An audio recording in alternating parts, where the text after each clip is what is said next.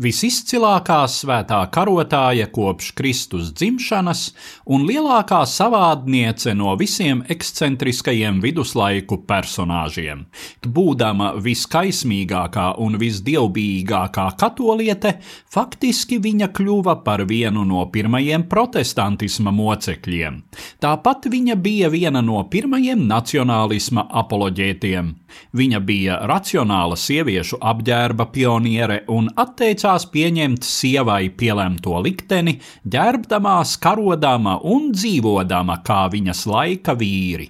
Tā kā visos šais veidos viņa sevi apliecināja ar tādu jaudu, ka vēl būdama patsmitniece kļuva slavena visā Rietumēropā, tad nav nekāds brīnums, ka tiesa viņai piesprieda sadedzināšanu uz sārta par virkni smagu noziegumu, par kuriem mūsdienās vairs nesoda, bet būtībā par to, ko mēs dēvējam par sievietei nepiedienīgu un neciešamu pašpārliecinātību. 18 gadu vecumā Žanna savās ambīcijās pārspēja iedomīgākos pāvestus un augstprātīgākos imperatorus.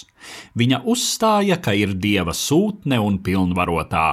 Viņa padarīja savas dzimtenes karali par savu protežē.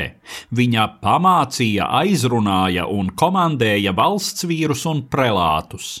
Viņa uzspļāva karavadoņu plāniem un izcīnīja uzvaras ar viņu armijām pēc sava plāna.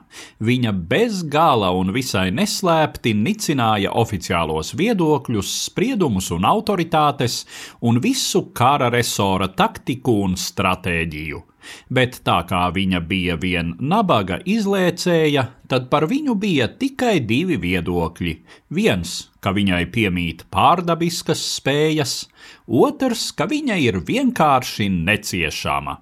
Tā dižais īru dramaturgs Džordžs Bernards Šovs raksta ievadā Lugai Svētā Žanna, darbam, kas tiek uzskatīts par izcilāko visā viņa dramaturgiskajā mantojumā. Iecere pievērsties leģendārās franču tautas varones Žannas Darkas biogrāfijai Šovam radās jau 20. gadsimta 11. gados, taču Pirmais pasaules karš lika to nolikt malā. 1920. gadā Romas katoļu baznīca oficiāli kanonizēja Žannu kā svēto, un tas nevarēja neiedvesmot paradoksu mīļotājus šovu.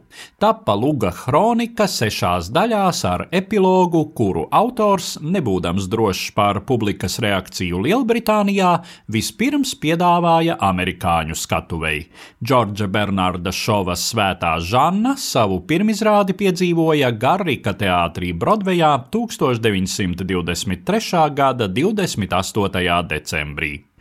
Šovs mērķtiecīgi atbrīvojis savu varoni no jebkāda melodramātiskas cietējas oreola, kādu tai piešķīruši daži citi tēmas interpretētāji. Attiecīgi arī viņas pretiniekiem trūkst melodramatisku ļaundaru vaipstu.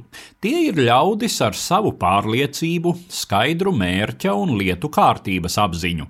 Kā viens no Žannas tiesāšanas iniciatoriem bīskaps Piers Košons, kurš lugā pauž.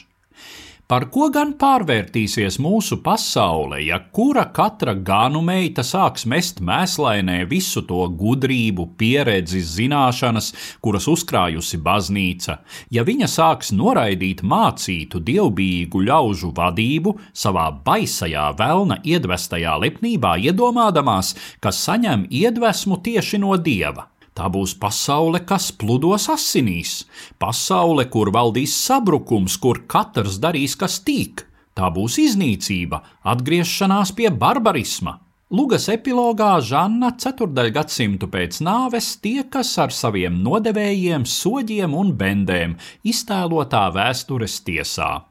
Kad viesis no nākotnes 1920. gada paziņo par Žannas kanonizāciju, visi aizgrābti krīt viņas priekšā ceļos un teic to svētību, kuru viņa nesusi ar savu mocekles nāvi.